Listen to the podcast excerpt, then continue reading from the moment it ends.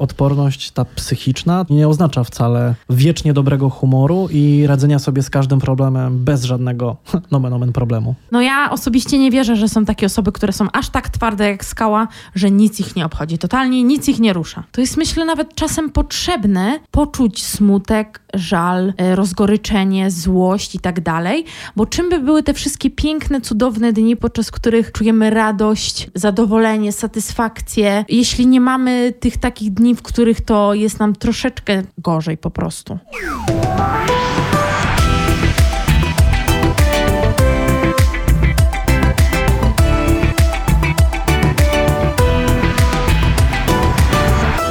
Tematem tego naszego odcinka, tego naszego spotkania, tej naszej rozmowy będzie odporność psychiczna i elastyczność. Odporność psychiczna, inaczej rezyliencja, piękne słowo moim zdaniem, mnie się bardzo podoba, e, oraz elastyczność psychologiczna, która też się wiąże z jedną, e, z jednym z nurtów e, w psychoterapii, jakim jest terapia akceptacji i zaangażowania, którą bardzo lubię. Odporność psychiczna to jest tylko mm, taka umiejętność, która jest dla wybranych, dla osób silnych psychicznie, a ci, którzy czasem trochę słabiej sobie radzą z jakimiś kryzysowymi sytuacjami, tej odporności psychicznej nie mają i nie są w stanie jej zdobyć?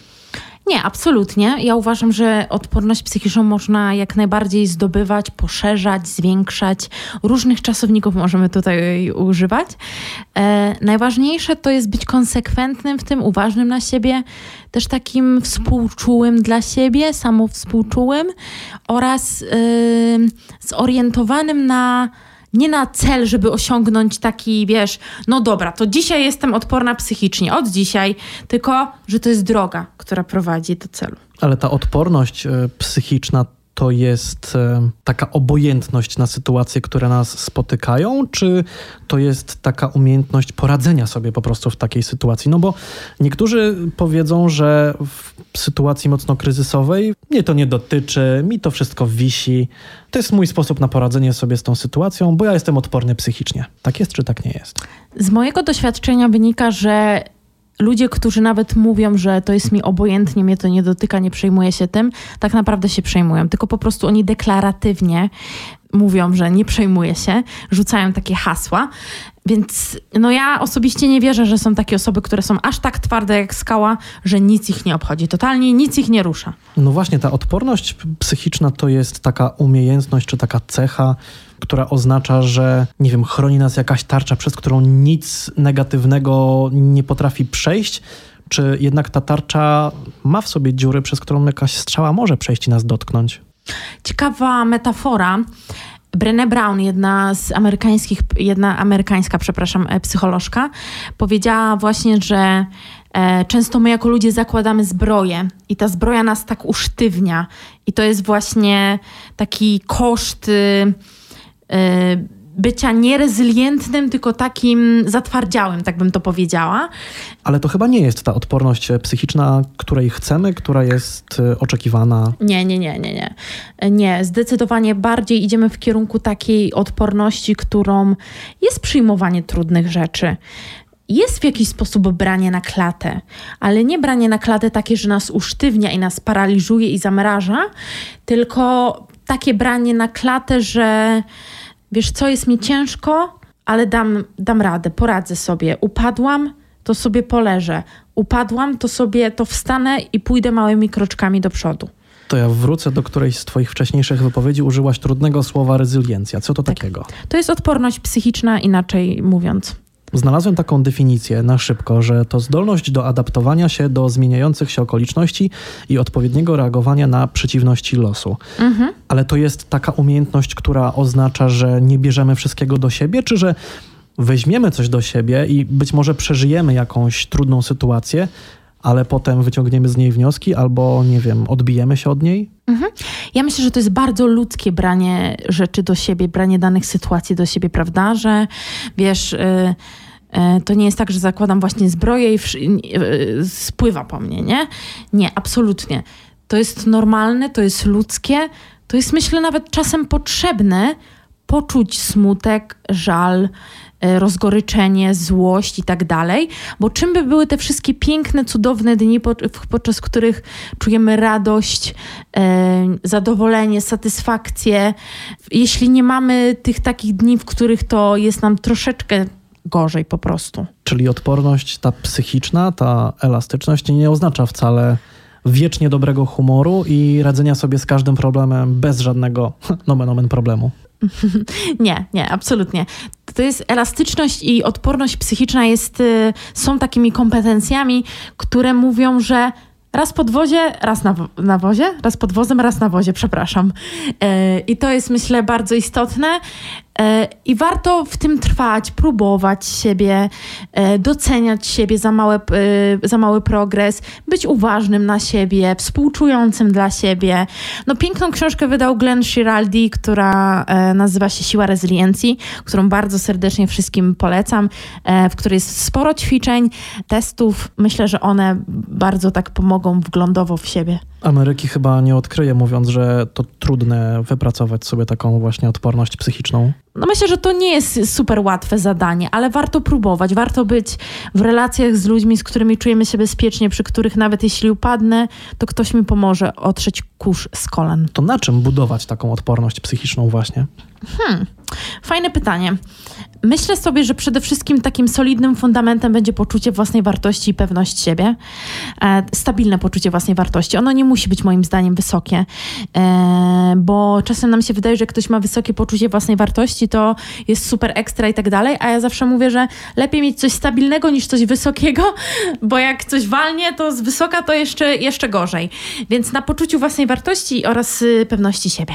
Ale to też są takie cechy, które bardzo ciężko wypracować, o ile ktoś nie ma ich naturalnie, no bo mhm. oczywiście są osoby, które rodzą się praktycznie rzecz biorąc z odpowiednio stabilnym mhm. poczuciem własnej wartości, pewnością okay. siebie, ale są też osoby, które muszą się też trochę tego nauczyć, trochę mhm. to wypracować w sobie. Tak, jak najbardziej y, obok ciebie siedzi taka osoba. Ja jestem osobą, która nad swoim poczuciem własnej wartości i pewności siebie pracowała przez ostatnie lata, lata dosyć mocno i cały czas pracuję.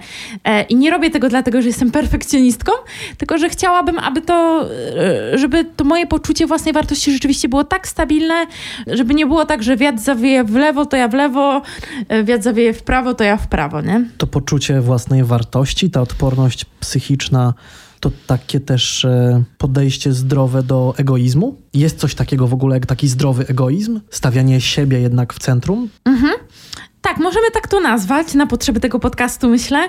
E, stawianie... Zwłaszcza mam na myśli właśnie to poczucie własnej wartości, ta mhm. pewność siebie.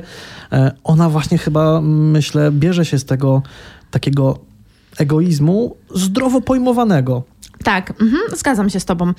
Wiesz co, e, myślę, że to jest bardzo ważne ze względu na to, że to jest proces. Odporność psychiczna, uczenie się jej to też jest proces. Elastyczność psychologiczna to też jest proces.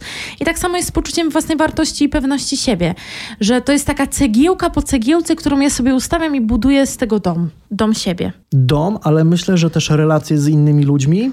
I to niezależnie od sytuacji, czy to chodzi o rodzinę, o pracę, o znajomych. Mhm. Tak, bo to od ciebie zależy, kogo do tego domu zaprosisz i przed kim otworzysz serce. To da się udać odporność psychiczną? Ja uważam, że nie. Tak, próbuję znaleźć taki obraz jakiś człowieka odpornego psychicznie.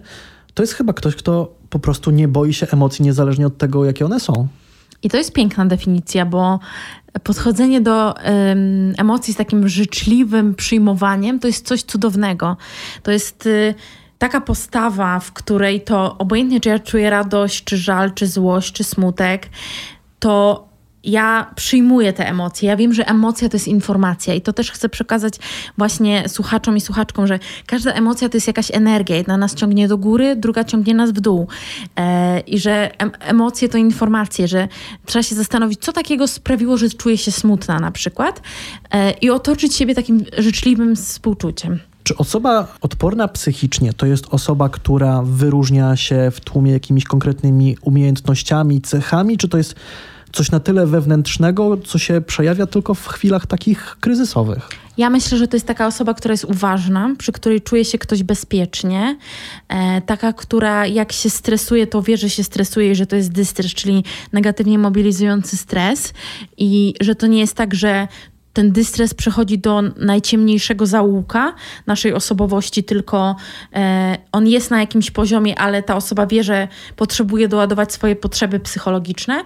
Myślę, że to jest o, osoba, która jest życzliwa, e, współczująca, która ma właśnie, e, która e, jest ja okej, okay, ty okej. Okay. To są takie cechy osoby e, odpornej psychicznie. Mówiłaś o stresie. To zapytam cię, um, czy jest jakiś sposób, żeby taki stres negatywny mhm przemienić w taki może nie... Mobilizujący? Nie wiem, czy, no właśnie zastanawiałem się, czy jest coś takiego jak pozytywny stres, bo mobilizujący tak, ale y, no właśnie, czy można ten taki negatywny, paraliżujący nas stres przemienić, jakoś przekonwertować w coś, co nas jakkolwiek napędzi, a przynajmniej nie będzie nas paraliżowało?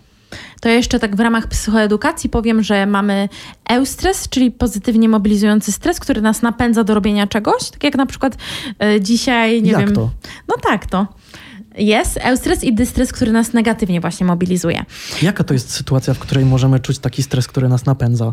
No na przykład ja, to chciałam ci powiedzieć, ale mi przerwałeś. E, to jest taka sytuacja, kiedy ja przyjeżdżam z Poznania do Szczecina, e, czuję, że trochę jestem wybita ze strefy komfortu, bo będę nagrywać dopiero drugi raz podcast, ale mobilizuję się w sobie, żeby powiedzieć jak najlepsze rzeczy, żeby dać jak najlepszą jakość naszym słuchaczom. I taka byłam dzisiaj rano. Czy praca z coachem potrafi mhm. nas nauczyć takich sposobów, w których albo w ogóle nie będziemy się stresować i denerwować. Nie, to niemożliwe. Stres nam jest potrzebny. No właśnie, to ten stres trzeba inaczej pojmować, czy go inaczej na niego reagować? I to, i to, i pojmować, i reagować. Myślę sobie, że moim takim sposobem jest ugruntowanie w ciele, a to zapewniają mi spacery. Idę na spacer, nie słucham muzyki, idę się przejść, jestem wśród natury, koję się lasem, koję się tym spokojem. Nawet jeśli jest dużo ludzi, to na mnie to nie wpływa negatywnie. To jest mój sposób. Można oddychać, można policzyć do dziesięciu, można e, zapytać się siebie, co ja teraz czuję i jak mogę sobie pomóc. Czy nie unikanie problemu, ale przez chwilę przestanie myślenia o danym problemie. Nie wiem, czy się da przestać myśleć, powiem szczerze, bo nasz umysł działa tak, że jak maszynka od popcornu projekt, e, nie projektuje, przepraszam, produkuje e, ten tak popcorn, pyk, pyk, pyk, pyk, pyk, pyk, pyk. Kontrolowanie swoich myśli, to, to nie wiem, czy to jest ta droga. Ale chodzi mi bardziej o taką sytuację, w której wiemy, że czeka nas rozmowa z szefem. Szef zapowiedział, że jutro się spotykamy. Nie wiem, o co mu chodzi. Mhm mam milion myśli w głowie, cały czas stresuję się tym. Mhm. To czy takie pozorne oderwanie się od tego, nie wiem, pójście na jakiś trening, w którym będę tak mocno, wiesz, no, ćwiczył. to jest dobry pomysł. Że nie będę po prostu myślał o tym, mhm. czy to takie oderwanie się pozorne od tego problemu pomoże? Takie przewietrzenie głowy? Przewietrzenie głowy jak najbardziej, yy, zdecydowanie na świeży taki umysł. Bo dostaniesz zastrzyk z serotoniny czy tam dopaminy, nie? Więc to jest, y, to jest bardzo spoko podejście. Trochę inaczej też spojrzysz na sytuację po tym treningu. To jest tak jak ze spacerem. Spacer też kroki, bo robienie kroków to też powoduje wystrzał tych hormonów. Ja bym porozmawiała po prostu z kimś, jakby zwerbalizowała swoje jakieś lęki, obawy, Pamiętajmy, że strach to jest reakcja na rzeczywiste zagrożenie, a lęk to jest na takie, które jest irracjonalne trochę, takie, że nie wiem, czy to się wydarzy.